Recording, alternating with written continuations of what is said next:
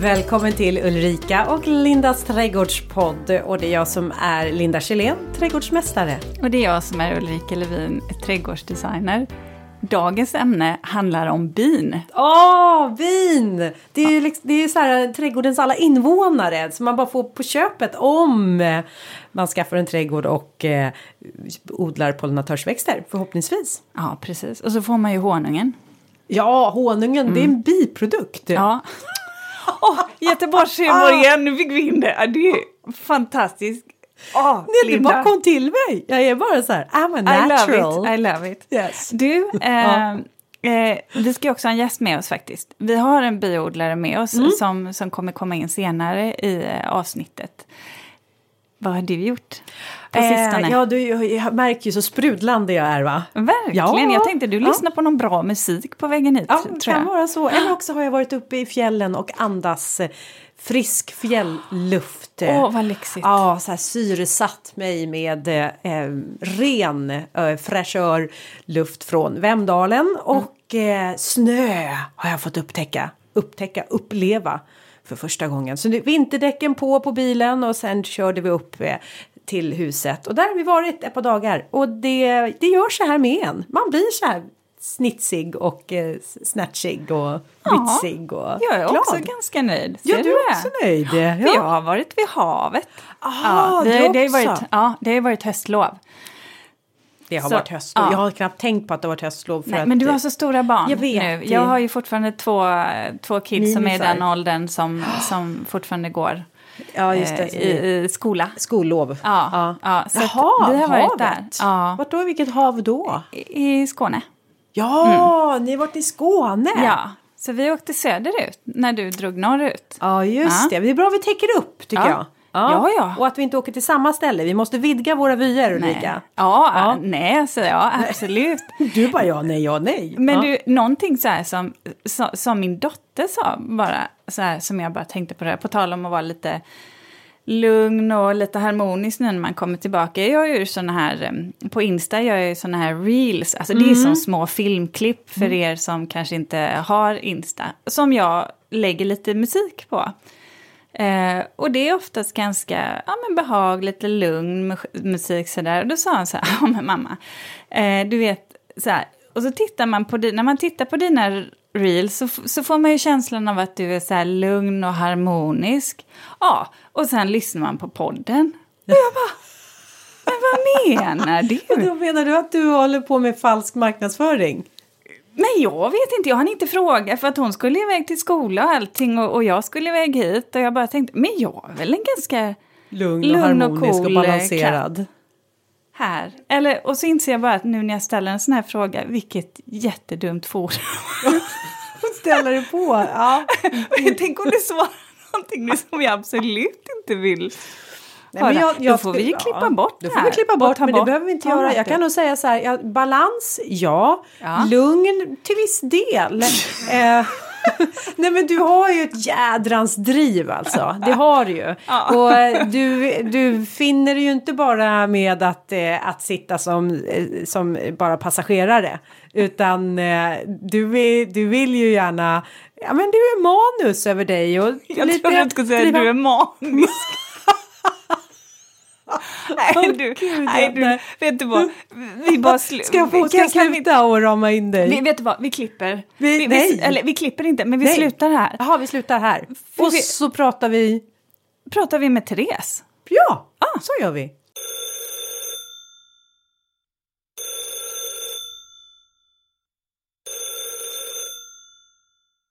Då har vi Therese Hammargren eh, med oss från Hammargrens bigårdar. Och eh, Therese, du är ju en biodlare från Vaggeryd i Småland, eh, bor i odlingszon 5 och driver det här företaget tillsammans med din man Magnus.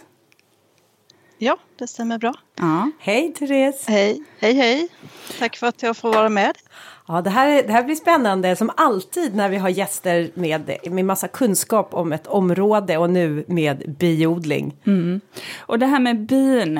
Eh, bin är ju så otroligt viktiga, eller pollinerare. Det är ju framförallt bin och humlor som faktiskt pollinerar eh, större delen av den mat vi äter. 75 procent egentligen av världens jordbruksgrödor är helt eller delvis eh, beroende av eh, bin och humlor, eller pollinerande insekter, för att eh, vi överhuvudtaget ska kunna få mat. Små, små insekter Ja. som gör en enorm stor skillnad. Ja, och även sådana här saker som förutom mat, alltså även vid ja, tillverkning av bomull till exempel, så behövs pollinerande insekter.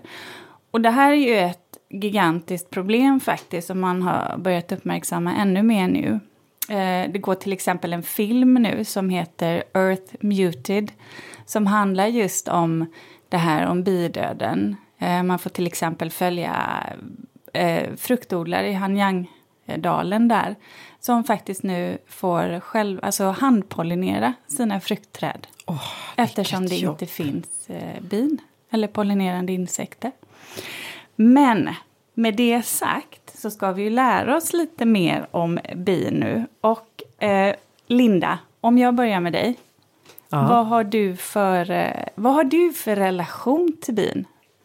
Eh, ja, men jag skulle nog vilja säga att jag känner en väldigt stor eh, respekt för bin. Och också, jag vet inte om vördnad är rätt ord, men eh, jag, eh, jag, jag, jag, jag ser verkligen inte bin bara som något litet flygfä. Utan eh, jag ser dem som en, en intelligens, va, intelligent varelse som gör, som jag sa, stor skillnad. Och... ehm, Ja, men jag, jag kan nog... Eh, ja, men respekt för bin, så, så känner jag. Och det här handlar ju om kunskap. För att det gäller ju att se skillnad på ett bi och en geting till exempel. Och det var inte för så många år sedan som jag lärde mig se skillnad. Eller ja, jo men det kanske var en 15-20 år sedan. Men, men just att eh, det är faktiskt väldigt viktigt att eh, inte vifta bort de här bina. Mm. Therese, om jag ställer samma fråga till dig då. Du är ju biodlare naturligtvis, men, men din inställning till bin? Jag tycker att eh, bin är väldigt fascinerande insekter. Eh, de ser väldigt bra. Eh, de kan till och med känna igen oss och några till. De kan räkna och de luktar och känner om det är något fel i bikupan. Och bara det att de flyger eh, får hitta maskrosfält till exempel så flyger de kring eller krokar för att leta men sen så har de riktmärken, kollar riktmärken under tiden de flyger för att ta den snabba vägen till bikupan. Bara en sån sak tycker jag är helt fascinerande.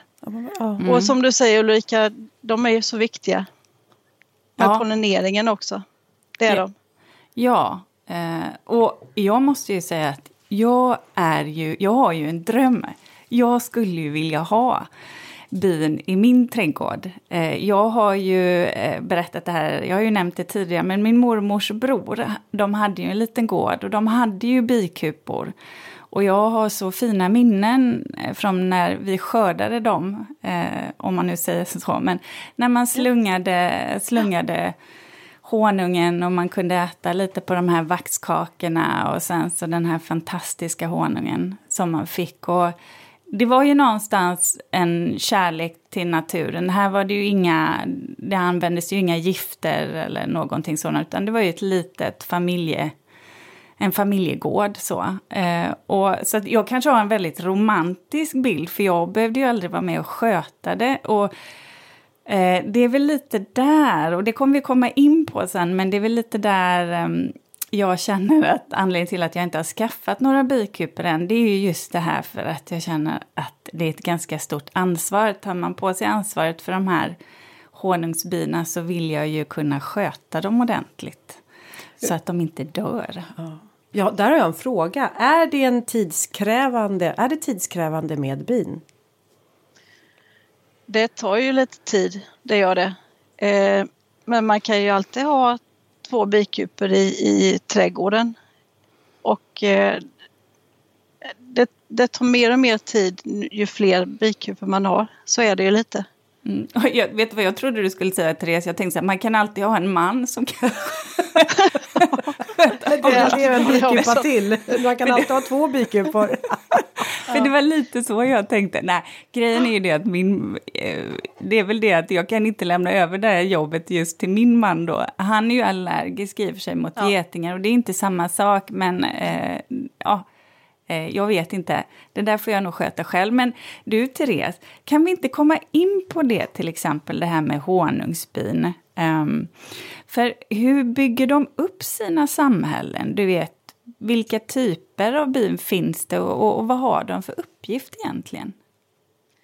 Ja, eh, jag kan ju nämna ungefär mm, bimängden på sommaren. Det är ungefär 50 000. Va? Bikupor. Ja, Nej. eller bin i en bikupa. F 50 000? Ja, men ja. hur stor är bikupan då? En, en sån här normalstor som man ser, eh, så här fyrkantig, kvadratisk? Det brukar vara, eh, om, det är olika lådformat eh, på bikupen men eh, om jag pratar om det, den som är mest vanlig så är det ju lågnormal som den heter. Då är det två lådor som drottningen går i och lägger ägg. Eh, och det är ju där själva yngel finns, men även arbetsbin och drönare. Nu har jag gått in lite på vilka som finns i mm. eh, bikupan där, men det är drottningen, hon är den viktigaste eh, individen då. Hon är ju den som lägger ägg hon är ju en äggmaskin och lägger 3000 ägg på ett dygn. ja, det är annat än, än dina sommarhöns, du ja. Linda. Ja. ja. Alltså det är så fascinerande. Så innan dess då så har hon ju parat sig med 30 olika drönare och det är de som är pojkar då. Mm. Så eh, det kan ju vara så att eh, ett bisamhälle ändrar sig på en sommar då eh, på humör. Kan, det kan skilja i och med att hon, hon är PMS, träffar eller? så många olika... Vad sa du? Hon har PMS ibland? Eller hon, ja, ja, Nej, men det har ju med drönare, ja. drönarna att göra då. Vilka hon har träffat och, mm. och parat sig med. Eh, men eh, hon eh, lägger både befruktade och obefruktade ägg. Så hon lever längst, fyra år. Sen har vi då arbetsbina Jag bara för ställa en eh, fråga om, ja, eh, om drottningen där. Ja. Är det så här att när man då ska skaffa en ny drottning då efter fyra år. Eh, är, vart köper man drottningen ifrån? Är det uppfödare av drottningar? Och vill man Finns det så här eh, en, en stamtavla på drottningarna? Okej, okay, hon kommer ifrån... Eh, jo, men jag tänker så här på som på hästavel. Det är ju så här, ja. man studerar, eller också jag kan ja. tänka all typ av avel man Helt studerar. relevant ja. fråga. Ja. men jag tänker också det... att det här är ju så små insekter. Men det kanske ändå är så att man har. Men det är alldeles riktigt Linda. Det man håller på med avel på bin. Det gör man.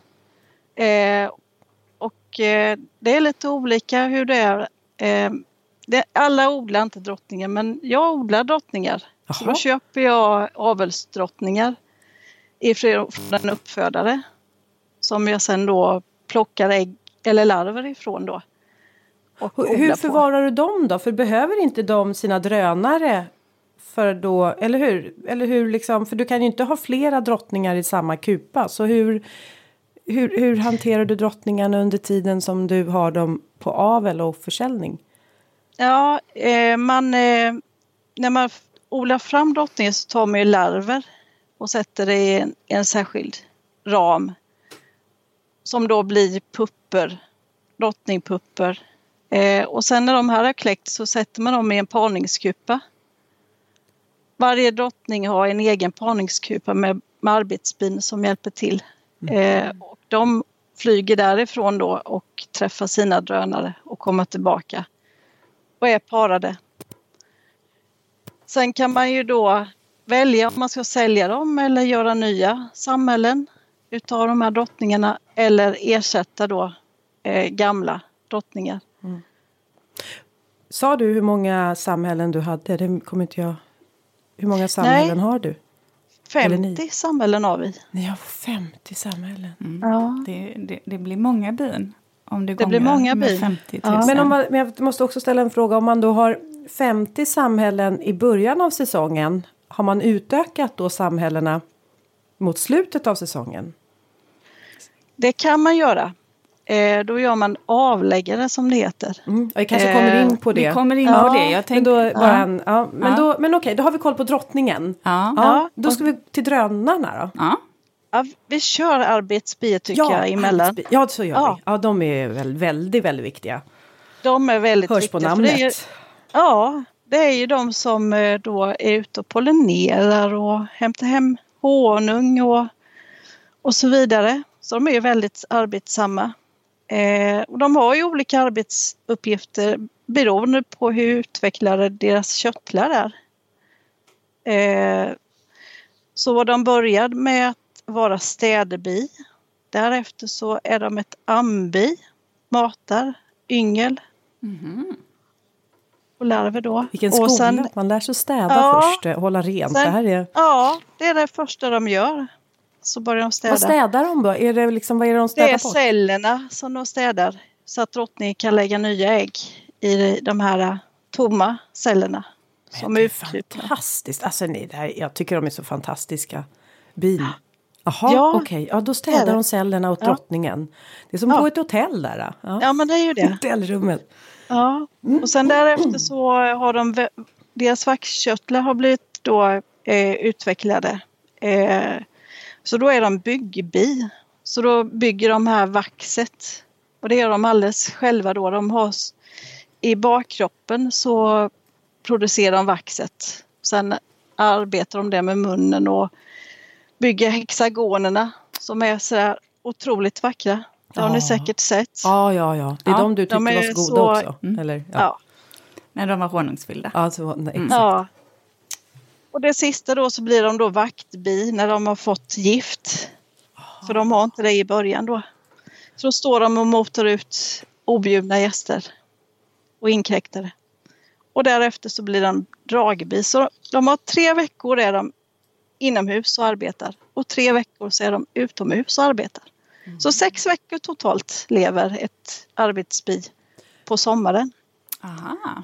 Mm. men så du- drottningen blir fyra år, eh, arbetsbit Ja. blir eh, Ja. sex veckor. Vad, vad, På sommaren. ja, på Och sommaren. de är arbetsbina som eh, föds så här i augusti-september. Det är de som övervintrar tillsammans med drottningen. Jaha, okej. För att hålla henne varm eller? Ja, kan man säga. Och då är det ungefär 10 000 bin och drottning då. Arbetsbin i eh, bikupan då över vintern. Alltså får jag bara fråga en sån här, bara av nyfikenhet, värdelöst vetande kanske. Men, men alla de där 40 000 bina som dör. Vad, vad, vart dör de någonstans? De dör ute på fält kan göra. Eh, eller så dör de i bikupan och då är städbina där och städar bort. Det är deras uppgift också. De städar ut dem. Tar de bort dem? Ja, Du får se det som cirkulärt, Linda. Det Ja. blir näring till jorden. Ja, men Eller det mat gör till andra. Mm. Och det, det kan man se runt om bikupor att det är rätt så mycket mer växtlighet. Mm. Men, men tänk ändå de här, alltså man förstår ju verkligen att det heter samhälle.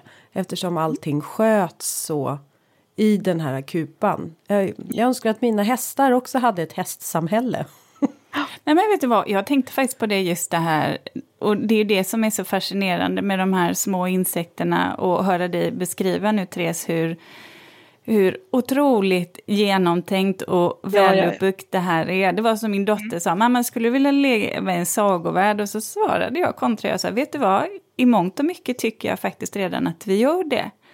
Eh, om vi kanske visste lite mer om hur vår värld och vår eh, biologiska mångfald är uppbyggd. Men ska vi gå tillbaka till drönarna? Då tar vi Ja. drönarna. The guys. tycker jag. Yes. Boysen ja. Ja. Och de, det är ju från eh, drottningens obefruktade ägg som eh, det blir drönare av. Ja, så det blir ändå något utav obefruktade ägg. Ja, ja, De där! I- ja drottningens ägg. är ändå- Absolut. Då blir det pojkar. Jaha, det låter ju... Ja. Jaha, okej. Mm, inga värderingar. Eh, deras uppgift är ju att para sig med ungdrottningar. Och det görs ju uppe i luften. Mm. På 20 meters höjd. ah, Och de gör ju det av, eh, komplicerat. med sitt liv som insats. De dör ju de stackarna där de har parat sig. Jaha, eh, men då har inte de jättelång livslängd då eller? Nej, Nej. nej. Och de Det kan har bara de para inte. sig en gång? Ja, Men hur många drottningar de. finns det att para sig med? I Ja. luften? Häng inte de i eh, kupan hela tiden? Nej, nu blir jag förvirrad. Jo, men det är så att eh, drottningen hon är ute och flyger eh, när hon är, är eh, könsmogen. Då flyger hon ut eh, och det ska vara bra väder. Eh, åker de till speciella parningsplatser. Jag, jag vet inte var de åker någonstans men det ska finnas sådana och där träffar de drönarna då. Eh, men sen när de har parat sig så är de hela tiden i bikupan. För de är för stora drottningarna så de kan inte flyga. Eh, kan de inte. Eh, Men, därefter. åh, ja, Det är, så det det är ju när de är unga då, eller hur? Ja. Det, då klarar det de fortfarande av att de flyga. Ja. Mm, Så att ungdrottningar, och du sa det, var det, var det 30, eller hur många drönare hade de parat sig med då? För att kunna lägga... 20-tal är det. Ja, 20-tal drönare. Mm. Ja. men då måste de ju ut och flyga varje dag. Nej. Nej. Men vadå? Nej, säger jag. Eller hur, Nej. Therese? Det gör Ja. de ju inte. Jag är inte jätteinsatt men jag tror att de skulle nog kunna vara ute på någon färd till. Komma tillbaka och åka ut men låt det vara osagt. Jag är inte jättesäker på den delen. Mm. Och Sen så hänger de i kupan. Ja, men drön... Ja. Och då sen lämnar de inte kupan när de väl har blivit befruktade? Nej, de kan ju göra det om arbetsbina tycker att de ska svärma. Det är då man kommer Då, till... då måste de motionera drottningen först. För hon är ju för stor för att flyga. Så då, då får hon börja dansa med bakkroppen och gå ner i vikt. Och Ja. Arbetsbina ger, dem, ger, ger inte drottningen så mycket mat under den tiden heller bara för att de ska bli mindre. Så Nej. att de ska kunna flyga iväg Det är så med fascinerande. ett gäng arbetsbin. Ja, det här har jag faktiskt sett, tror jag, på någon sån här eh, naturdokumentär. Det är väldigt, väldigt fascinerande. Men, men, Visst är det? men okej, det- så att parning sker aldrig i kupan. Det sker bara Nej. utanför kupan när hon är ung. 20 meter upp i luften. 20 meter Ja. upp i luften. Ja. Och sen alla de äggen då som hon har i kropp, de finns där under hela sommaren Jajamän. tills Ja. dess om. Och varför, men okej, så varför vill de svärma, varför vill de att hon ska gå ner i vikt och, och flytta? Är det för att hon, Det kan vara att eh, de har för lite plats. Eh, förutom de här yngelrummen som jag nämnde tidigare så sätter man ju på skattelådor. Eh, det är ju där de samlar in honung i. Men är det för lite plats för dem eh, så kan det hända att de vill svärma. Och då gör de jättemånga drottningsceller eh, som då så småningom ska ta över den gamla kupan då. De drottningarna som föds, de nya drottningarna. men och, och kan du då, eller ni då som biodlare se det att det är någonting på gång i den här kupan Ja. och då ser ni till att vara före och bygga ut deras kupa? Ja, Ja. ja. Eller att vi eh, tar bort några ramar ifrån yngelrummet och sätter till några nya ramar men med bara mellanväggar. De där som man gör ljus utav har ni säkert sett. ja. Det är sådana som man sätter i då i ramar. Då tycker de det är jätte eh, för då får de börja bygga vax. För det kan också vara en orsak till att de vill svärma, att de har för lite att göra. Ja. Oj, arbetsbin har för lite att göra. Jag Ja, tänk- arbetsbina. Ja. Jag tänker de här eh, drottningarna, eh, ungdrottningar eller de som ligger som larver. Eh, nu, eftersom du avlar så tar ju du hand om dem. Men frågan är, om man inte hade gjort det, blir det konkurrens då mellan drottningarna om eh, kupa eller? Det, det kan ju vara så att de eh, tar fr- fram egna drottningar om de antingen vill svärma eller om de känner att de vill byta ut drottningen. Ett stilla byte heter det i, i biodlarspråk. Eh, då är det ju flera drottningsceller och det är flera drottningar då som kläcks. Men den första som kläcks går runt och biter sönder de andra drottningscellerna. För hon vill vara själv eh, i en bikupa. Det är bara en drottning i en bikupa. Ja, det är ju, det är ju ett Så. sätt att överleva. Jag tänkte säga, vem vill bli avsatt? Ja, ja, ja men absolut. Det är lika bra att Men, men drottningen som är gammal och, och det, det, blir att hon blir avsatt. Mm. Gör det. Men, men eh, den nyfödda drottningen då som hon vill ju bara vara själv. Så då går hon ju och eh, biter sönder då. Mm. Men, du... men det är ju inte alltid den bästa drottningen som föds först. Så det är lite fel i genetiken. Eh, eller i, inte genetiken utan vad är det det heter?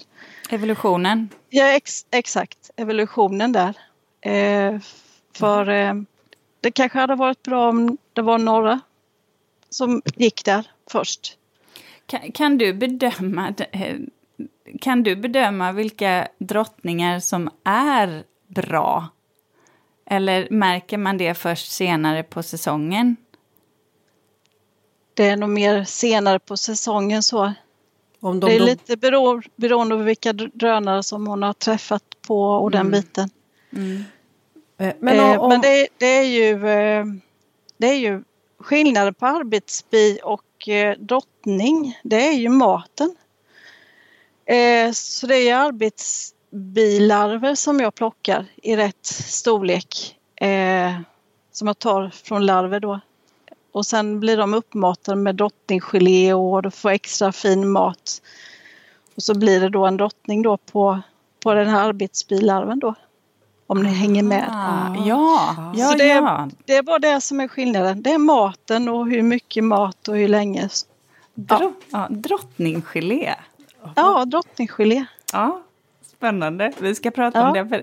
Men då har vi pratat lite om eh, hur binas eh, livscykel ser ut. Och det är mm. ju olika beroende på vilken funktion de har. Men när nu den här drottningen då som övervintrar i Kupa med sina arbetsbin, de där mm. 10 000 som är kvar, alltså som biodlare, jag menar nattar du dem för, för vintern på något sätt och, och väcker du dem sen till våren eller sker det per automatik?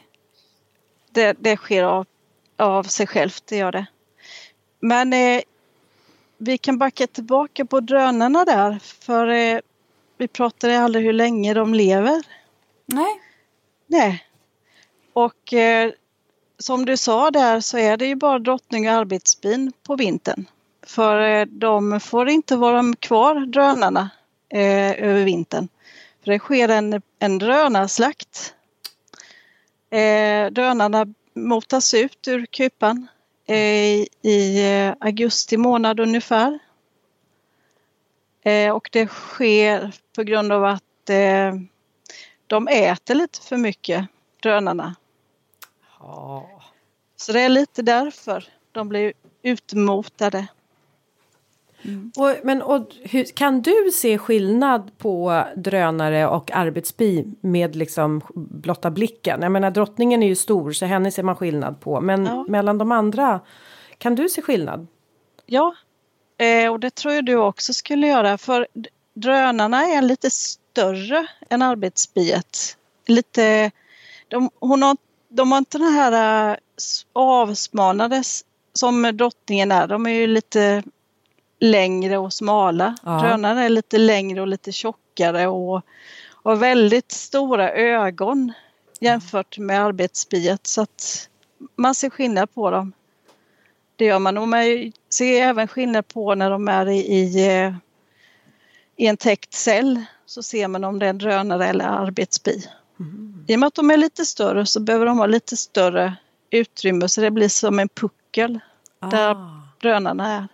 En, en konstig, kanske dum fråga, men jag måste ställa den i alla fall. Drönarna, de är ändå lika skickliga pollinatörer som ett arbetsbi? Nej. Nej. Det är, det är arbetsbina som pollinerar. Och, men så vad då så Det drönarna bara tar upp en massa plats i kupan? Ja, de Ja, parar ju sig Ja, också, de Linda. parar sig. Men jag fattade inte, ja. de parade sig väl inte in i kupan? Det var ju bara Nej. på 20 Nej. meters höjd. Ja, men de måste Ja. ju bo någonstans. Du kan väl inte ha hemlösa bin, Linda? Nej just det, då är det ju då är det soltärbyn. Men eh, Ja, men det, jag måste Jag- liksom få till släktträdet här. Ja, det tror jag det. Men eh, det kan vara en uppgift också som drönare har att hålla lite värme. Eh, så. Ja, så någon uppgift kan de väl ha någon förutom uppgift Som är de lite också. vårdande och ömmande. Ja. Inte vad, Ja. Jag tycker du dissar killarna helt. Då. Ja, precis.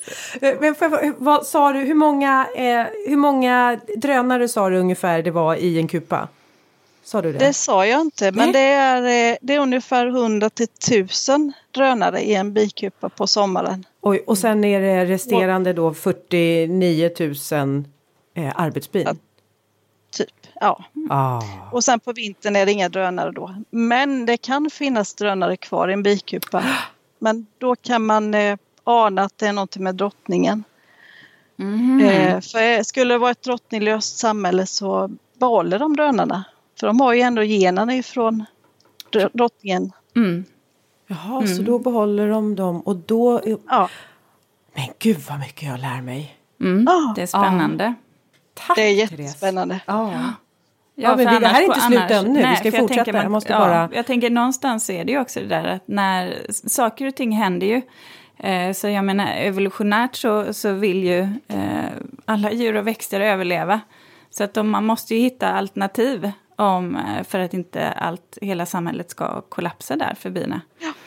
Men du, så här, det, det är ju så att förutom då nektar som jag tror att de flesta av oss vet att bina eh, samlar in och pollen, alltså vad är det mer som man Eh, vad, vad är det mer som bina samlar in och vad använder de det till och vad kan du använda det till? Honungen är ju självklar men det är ju inte bara honung man kan få av bina. Nej, nej visst är det så. Nu är det väl så att eh, vi eh, har inte börjat samla på så mycket annat än just honung. Ja, att vi, ja, ifrån bina då. Hur länge har, Men, ni, eh, har ni haft era bikupor och liksom varit pro, producenter? Vi började vår, våran... Eh, vi köpte våra första bikupor 2010. Ja, ja, ja. Då har ni Och firat då var det, då var va? det, ja, då var det två kupor vi köpte.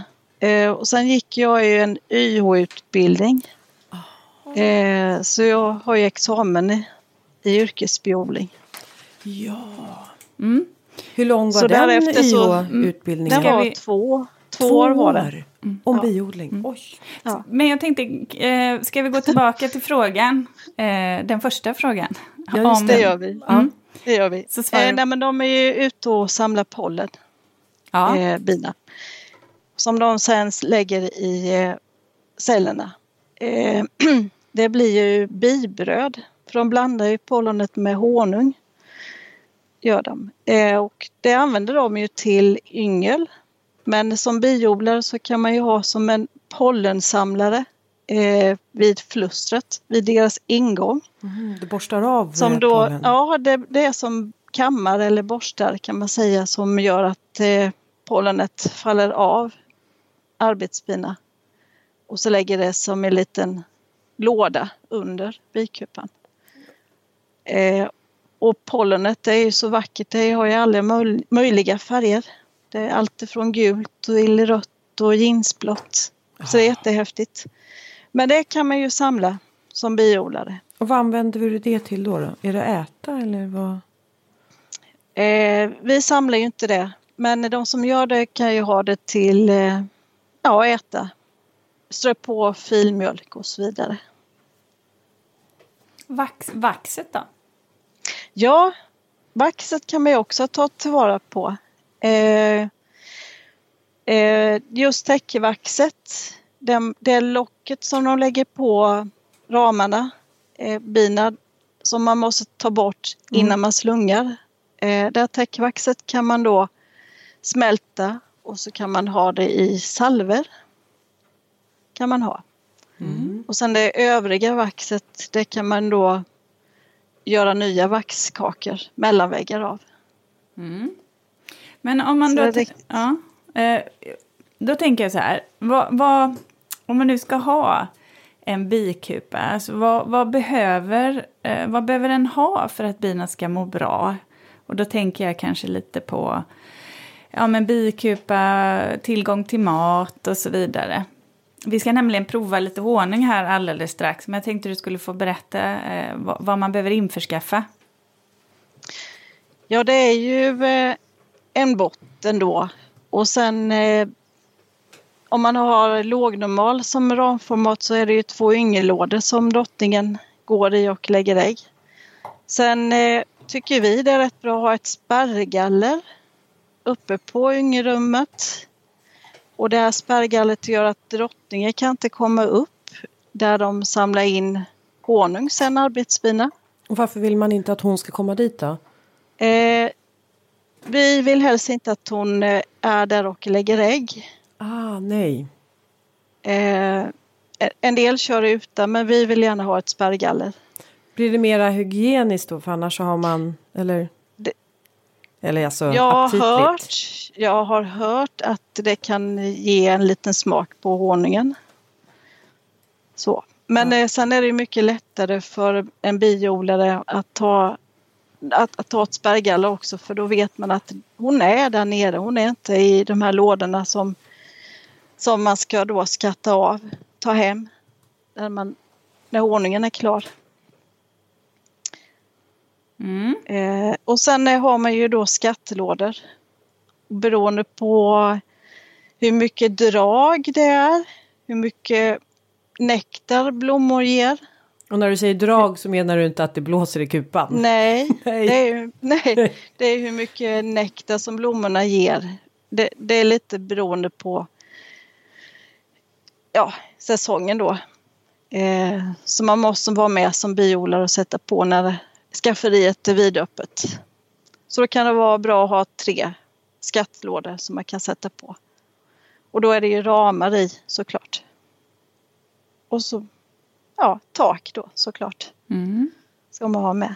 Och sen så samlar ju bina själva eh, sin nektar. Men jag gissar att ni tänker lite kring vad ni har för tillgång till blommande växter i, i, runt era samhällen.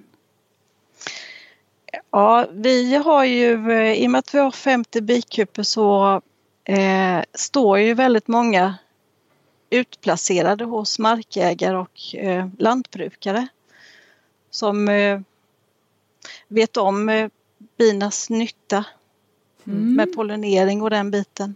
Det är intressant, som Eh. vet om det och förstår deras Ja. nytta. Absolut. Så att vi brukar ju ha bikuper så att de har både eh, lantbruket med åkrar och den biten, ängar och att de har även skog som de kan samla in honung i. Men också såklart trädgårdar som är runt om på, på landet då, där vi har våra bikuper. Eh, så, vi har inga bikuper i vår e- egna trädgård. Nej. Det har vi inte. Vi har haft det. Men, Men- eh, vi, vi känner att vi vill ha en liten frizon. Jaha, ni vill inte ha jobbet hemma eller? Nej, det, Alltså jobba Det i en annan, man vill åka iväg till kontoret. ja, ungefär. Det Ja. blir ju det lite. Jag tänkte in, innan vi smakar här nu då, för du sa ju Mm. att det, det innebär ju det innebär ju ändå lite skötsel att hantera sina bin. Oh ja. kan, kan du kort bara beskriva på ett ungefär ja, insatsen och när det är som mest intensivt? Absolut. Eh, egentligen så kan man säga att eh, en bra hantering är ju att man vintrar in bin på ett bra sätt. Eh, ge dem mat och medicin får man ge dem också. Ja, det, Mot ju- varroa.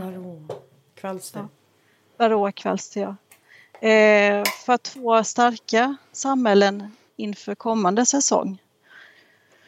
Eh, när man gett dem tillräckligt med mat och den biten så klarar de sig själva över vintern, bina. Man behöver inte göra något med dem just då. Eh, och sen eh, när det börjar bli lite varmare så här i mars och de har varit ute och rensningsflygit. De har ju hållit sig, de små stackarna, över hela vintern så de är ute och, och får bajsa då i mars när det blir lite varmare. Eh, och sen så när det blir ytterligare lite mer värme så gör man en vårgenomgång. Man kollar igenom samhället, hur de ser ut och mår. Och 10 procent ungefär dör under vintern. Så att då får man ta hand om de döda samhällena. Mm. Eh, men sen är det ju det att man får vara med på när naturen öppnar sig. Eh, öppnar skafferiet. Sen på våren då så samlar de in mycket sälj och maskros och den biten. Eh, så då det, kan det vara bra att man har satt på det här spärrgallret och skattlåda så att de kan samla in det. Eh, och sen får man ju anpassa eh, antalet skattlådor med säsongen. Eh, man måste ha koll på om de vill börja svärma eh, och ge dem och att, att göra ramar och bygga ut och, och den biten. Eh, så fram till midsommar är en hektisk tid. Kollar Det är man? då de- ja. Det är då de vill svärma. Så att då måste man vara på och, och kolla. Tittar den till dem varje dag eller är det typ en Nej. gång i veckan? Eh, det är tionde dag ungefär. Ja. Är det. ja. Vad, vad händer under sommaren då? Under högsommaren? Ja, vi, vi gör ju så att vi skattar av ungefär fyra omgångar. Så att eh, det gör vi ju också emellan. Eh, och det är ju för att vi ska få vårflora, försommar, högsommar, När du säger skatt, då. skatta av då betyder det att då Ja. samlar ni in eh, honungen och Ja, ja, ja, det är riktigt. ja det är som en skatt. Vi- vi- Ja, det är skatten där ja. Det är riktigt. Mm. Eh, Ja, ja, för, Anna, för om ni då, eh, för det behöver man göra så att ni då kan också dela upp honungen i dessa Ja. olika smakkategorier och blommorna. Ja, det är riktigt. En del biodlare de skattar bara av en gång. Och då blir det lite blandning utav sommarens smaker. Och det är ju inte fel det heller såklart. Men vi tycker lite roligt det här med, med smakvariationen som blir beroende på när vi tar hem honungsramarna då. För det blir väldigt stor variation. Kan, ja, kan vi inte då, vi, vi kan ju fortsätta att prata om det här, men kan vi inte passa på att smaka nu då när du Ja. ändå är inne på det Therese? För att nu ska Linda då eh, testa eran första eh, Mm. honung på säsongen som heter Smålands vårflora. Kan inte du Ja. berätta när ni, när ni skattar den? Och så Linda så får du eh, smaka här och så berätta. Det har en väldigt fin, eh, fin lite mellangul, ljusgul färg. Eh, det är ju eh, den första honungen och det är inte alltid vi får den. Vi fick inte så mycket ut av den i år för det var för kallt. Eh, så de kunde inte vara ute och samla in från säljen. Men den ni smakar i eh, har rätt mycket sälj men även maskros. Nektar från maskros då. Det var Är det? en väldigt fin konsistens. Den var alldeles så här Ja. silkeslen. Ja. Mm. Men det känner säkert eh, lite maskrossmak. Du, eh, vi sa ju det, du nämnde här att man känner smaken av maskros på Smålands vårflora och det gjorde ju faktiskt jag. Jag skulle säga att Kul. jag tycker att nu har jag också eh, satt näsan i, vi har tre olika honungsburkar och jag har satt näsan i dels den här honungs, eh, eller säga, vårfloran och sen så även eran hösthonung eller den som är gjord på ljung. Och jag tycker bara genom att jag doftar mig fram så tycker jag att den som är på våren är lite, lite fräschare och syrligare. Medan den som är på hösten känns lite mera gräddig och kanske tyngre. Jag vet inte om det är en inbildning men jag tycker nog också kanske att den på hösten har en vänligare doft än den på eh, våren. Ska, ska, jag testa, ska jag testa den här då Men Smålands jag måste säga bara att jag tycker att den smakade ljuvligt gott. Alltså vad jag, roligt. det var nästan som att äta smörkola. Åh, vad det. roligt. Eh, men du, den här nu som eh, Ulrika nu ska prova, då ska hon prova Smålands högsommar. Eh, jag kan se visuellt, om man tittar på de här burkarna, att det är en sak som skiljer sig. Och det ena det är ju för det första att eh, de här eh, höst och vårhonungen har ingen eh, sån här liten kristallisering av socker på ytan. Det kan nog stämma. Det, eh, det har ju lite med vattenhalt kan vara eh, som kan skilja lite. Som gör att det ser lite annorlunda ut så. Den är hårdare liksom. Ja, Mm. men det, det kan ha med det att göra. Ja. Men jag tyckte att den här var lite syrligare nu. Den här var, den här var ganska djup i smaken. Oh ja! Och det är ju högsommarblomster eh, som Åh, de har samlat in då. Så det kan ju vara vitklöver. Mm. Vad är det mer på högsommar som blommar? Det kan vara lite lind i den också. Ja, det, det, det var faktiskt en annorlunda eh, smak. Va, rolig. Jag har ju aldrig testat honung på det här sättet, du vet, olika typer samtidigt. Det är ju jätteintressant för Ja, nu känner jag ju är det. skillnaden. Det har jag inte Ja. gjort innan. Alltså jag, jag är så berikad i till både Vad kul. smak Men du, och sinne. Kan inte du köra på med den här mörka fina Den mörka den småländska djungeln. Du vet, jag är ju Ja. från västkusten så det här med ljung, det är ju jag, eh, Västergötland, Västgöte. Eh, Åh, så att de det här är är ju, smöriga. um, ljung är ju för mig eh, Västergötlands lands, är det inte Västergötlands landskapsblomma? Jag har inte det ska jag om. Jag bara... Ja, du mm. bara njuter. Men det stämmer, Ja. det är det. Och gud, den var mycket... Nästan lite beska i den här. Ja, den, den är lite mustigare i smaken. ja, den hade ju en otroligt så här, du vet, bärnstens eh, gul färg. Mm, Ja. Om ni ser på burken så är den lite marmorerad nästan. Precis, Ja. precis. Ja. Nu ska jag se, jag känner att jag tar bara större. Ja, jag- Eller hur? Vet du vad jag gjorde då också? Jag började först att doppa skaftet i den Ja. första. Där har vi den. Ja, marmorerad är den. Hur kommer det sig då? Mm. Jag tror det har med honungen att göra Mm. eh, enbart. Det, är- det är ju liksom... Den här tyckte jag om. Gillar du den? Ja, Nej. Den här gillade jag. Jag, eh, ja, jag är det- högsommar. det är hög andel eh, ljung i den också. Jädrar vad Vi- god den var. Det var väldigt aromatisk smak. Ja. Jag tycker nästan att den kanske var lite för skarp. Ja. Känner jag för mig. Jag är nog mera på högsommar. Skarp var den inte, Linda. Skarp Men- var jag inte. Nej, inte skarp. Men Mjuk för är smaken, också men jag får mer smak. Det var Mer det. smak. Mm. Ja. det är också en honung som eh, Magnus han tyckte inte jättemycket om den, eller lite mindre om den i början. ja, där är, jag Men, nog, eh, där är jag nog. Men det är sån här honung som växer. Han tycker mer och mer om den. För, jag, om jag skulle, för att om jag skulle eh, de här, eller skatta skulle jag inte alls säga, men utifrån den som har mest eftersmak så tycker jag att det är den här Mm. Ja, eh, hösten över. Mm. Där, där får man ju, där växer ju någonstans aromen när den har fått vara i gommen eh, ett tag. Mm. Gud Hösten vad gott. doftade, doftade godast men jag måste nog ändå säga att högsommar var för mig en, den favoriten. Ja. Alltså det här är jättespännande. Och väldigt, jag, väldigt lyxigt känner jag. väldigt lyxigt och jag älskar bin. Och de här, visst är det så här Therese att ni har ju försäljning av de här eh, Ja. burkarna så att även eh, våra kära lyssnare kan ju faktiskt eh, testa dem. Ja, det är riktigt. Ja. Eh, Vad Vi, står, eh, vad står zon 5? Alltså är, odlar ni i zon 5? Nej, jo.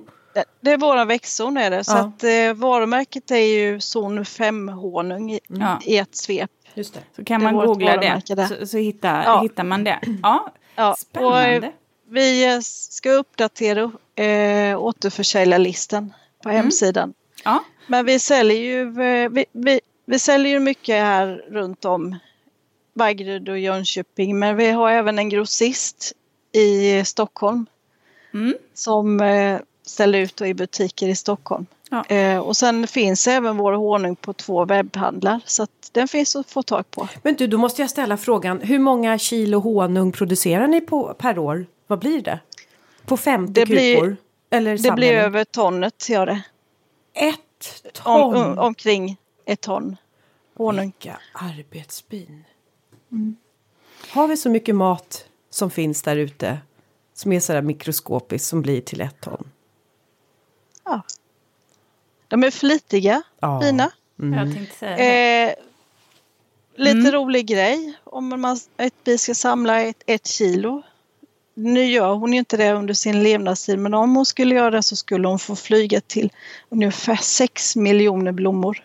Åh, Och det är ungefär fyra varv runt jorden i en flygsträcka. åh. Så de är flitiga. Men det, såklart arbetsbit, hon lever ju bara sex veckor så det, det händer ju inte att ett, ett arbetsbi gör det. Men om hon Om. skulle göra det. Ja. Mm. Då får man ju också den här insikten om att vad viktigt det är att vi Ja. har en eh, stor diversitet i det vi odlar eller det som Oh, finns i naturen. Oh, ja. Och kanske också att man inte motarbetar bina genom att använda eh, gifter alltså i besprutningen. För att det, Nej, det mår de ju absolut. inte bra av, eller hur Nej. Therese? Nej, de tappar orienteringsförmågan så de hittar inte hem om eh, det är så att det har blivit bekämpningsmedel på eh, åkrar Mm. Mm. Det där måste vi i viss slags... Ja. Ja. Eh, vi, vi ska alldeles strax avrunda, men om det är någonting så här som, som du som biodlare, om man kan råka illa ut som biodlare, vad, vad är det som kan hända då? Finns det någon sjukdom eller parasit som de kan drabbas av? Det är ju eh, varroan eh, som är som en fästing som sätter sig på, på bina.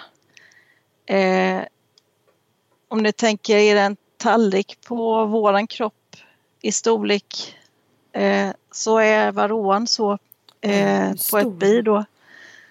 Eh, och varroan kan precis som eh, fästingar ge virus borrelia, eller TB då tänker jag mest på. Mm. Eh, och det kan då ge följdsjukdomar på bin. Eh, så det måste man vara noga med att bekämpa. Och det var det de fick medicin eh, Ja, mot? Det är riktigt. Mm. Ja, och Mm. vi kör ju ekologiska bekämpningsmedel som oxalsyra, myrsyra och eh, Tymol då Mm. mot eh, varroan då. Mm. Eh, Om man får in Men, eh, varroan, måste man avsluta det samhället då så att inte det sprids vidare? Eller vad är det för regler som gäller? nej, det är ju det med, med att man bekämpar med, med olika syror då. Mm. Är det. Okej. Men skulle de få amerikansk yngeröta, det är nog det du tänker på Linda, Mm, kanske det då var får ja. man, Ja. ja, då får man ta bort det samhället. Mm. Och även bikupan där. Oh. Eh, och kontakta bitillsyningsmannen där. Mm. Ja, det måste man ha kontroll på ja. Ja, det måste man. Mm. Ja, det är mindre roligt. Men så här är det ju Ja. eh, när Ja, man är har det. så här, med levande varelser. Att, att Ja. sånt inträffar. Så det får man väl bara ha med sig. Men jag, jag, det tän- så. jag tänker så här att om man nu skulle vilja skaffa bikuper i sin egen trädgård så låter det ändå som att man behöver läsa på en hel del. Oh ja, det är Mm. väldigt bra att gå en nybörjarkurs som eh, SBR eh, anordnar. Ja. Ja, ja jag är fortfarande sugen. Jag är ju definitivt inte avskräckt. Jag såg... Ja, Jag tycker, jag- du ska, ja, jag- jag, jag tycker kommer- absolut du ska skaffa dig bikup Ulrika. Och Ja. du med Linda. Ja, ja jag, har, jag är på gång. Ja, är du är det. Ja, då. För det är Ja. så fascinerande att eh, vara med ett, ett bisamhälle. Man ser naturen på ett helt annat sätt. Mm. Man ser årstiderna och vädret. Eh, och jag har börjat se vilda bin, solitärbin. Ja, Eh, de har ju bott man i min har ju trädgård. öppnat ögonen Ja. för många olika grejer. Och, Man blir uppmärksam, mer Ja, närvarande. man, man blir det. Mm. Oh, ja. eh, och just det här med trädgården där att man, jag vill ju så gärna fixa blommor som, eh, och rabatter som eh, uppskattas av många pollinerare och När man förstår att en rabatt inte bara handlar om att den ska vara för skönhet utan att det Nej. faktiskt är en, en rabatt som eh, är till för nytta för Ja. överlevnad för våra Ja, oh insekter. ja. Mm. Sen eh, Ja. även våran trädgård har ju blommor som uppskattas av ja, gräsmattan tänker jag på. Ja, Vi låter eh, brunört och vitklöver och andra blommor få trivas. Mm. Therese, stort Ja. tack för att du var med och berättade mer om bin. Ja, tack, Tack för du. Ja. verkligen. Gud så intressant det här har varit. Jag har lärt mig massor. Hej då! Tack själva. Ja, Hej då! Tack och hej. Hej! Men du Linda, de här honungssorterna, alltså jag, jag tyckte de var fantastiskt goda. Men egentligen, hur använder du honung? Till vad? Ja, det där funderade jag på för att eh, jag brukar ju använda honung främst till teet men nu inser jag att om jag har såna här goda honungar i teet då tappar jag ju liksom smaken. Den blandas ju ut så mycket så här vill jag ju verkligen känna smaken. Och då har jag funderat på, för jag tyckte ju att det smakade som smörkola. Kanske att man kan göra någon form av honungskola så man verkligen åh, får, får till den här smaken. Och sen tänker jag också på, du gillade ju höst hösthonungen med ljung. Verkligen. Ja, tänk dig en liten klick på en ost istället för, jag menar, så här, istället för någon marmelad så har man den där på. Det, jag brukar faktiskt blanda ner lite tryffel ibland i honung. Eh, kan vara väldigt gott också. Ja. Och doppa i till ostar eh, och sådär. Kanske inte, då, ska, då tycker jag att då kanske man skulle förstöra, då får det vara en mer neutral honung Ja, jag tänkte säga jag. det för att annars tar du ju bort den där goda. Ja, och det vill man ju inte. Nej. Men eh, ost, jag bakar en hel del med Ah. honung också, använder det i smoothie. Ibland är det ju bara som sötningsmedel. Mm. Eh, och ibland vill man ju ha smaken. Neutrala eller salta kex som inte har för mycket smak. Till sesamkex till exempel kan vara jättegott också. Oh, eller ja. lite nötiga. Ja. Du, nötigt, då tänker jag spetskål.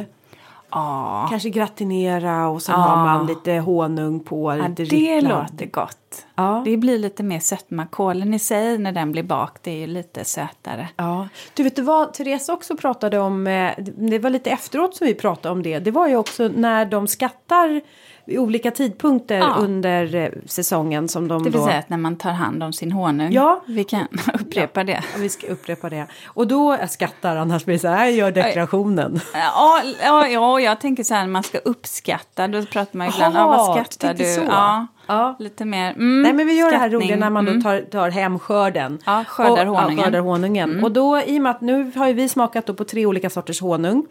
Och då så sa hon att den här vårfloret, alltså vårhonungen, den skördar de, eller de, den skattar de vid skolavslutningen, där någon gång i början av juni. Och sen har de högsommarhonungen och den var någon gång i juli. Och sen har de då ljungen eller höstljungen eller djungeln, den var i augusti. Mm. Och där fick vi ju lära oss att man tar ett pollenprov för att se hur hög halt av ljung den innehåller för att det ska kallas för en sorthonung.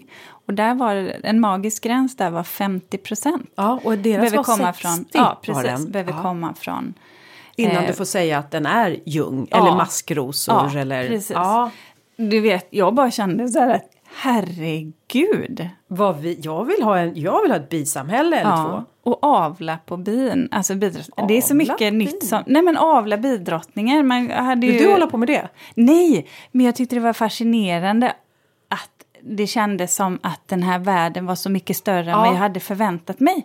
Så skulle jag vilja säga. Det håller jag med om. Det håller jag med om. Veckans reflektion.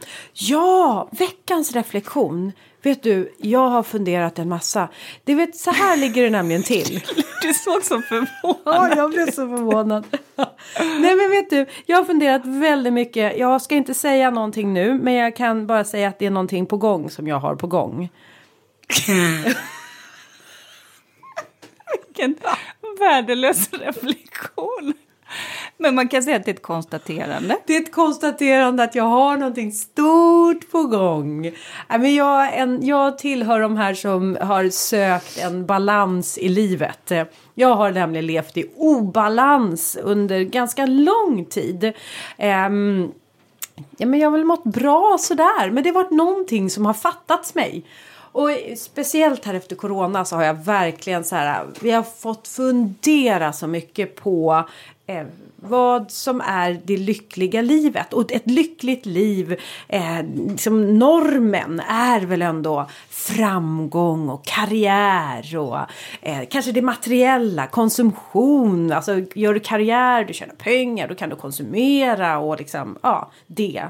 Eh, men ibland så börjar man ju fundera på karriär. Kanske är det kopplat, kan balans vara kopplat till något annat?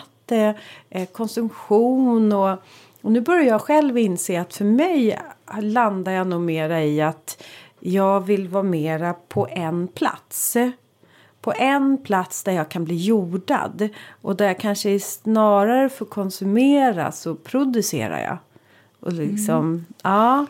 Så mm. att, mm, och där i den, det som jag har påbörjat så börjar jag känna av en balans. Alltså en, ett inre lugn. Men vad det är jag har på gång.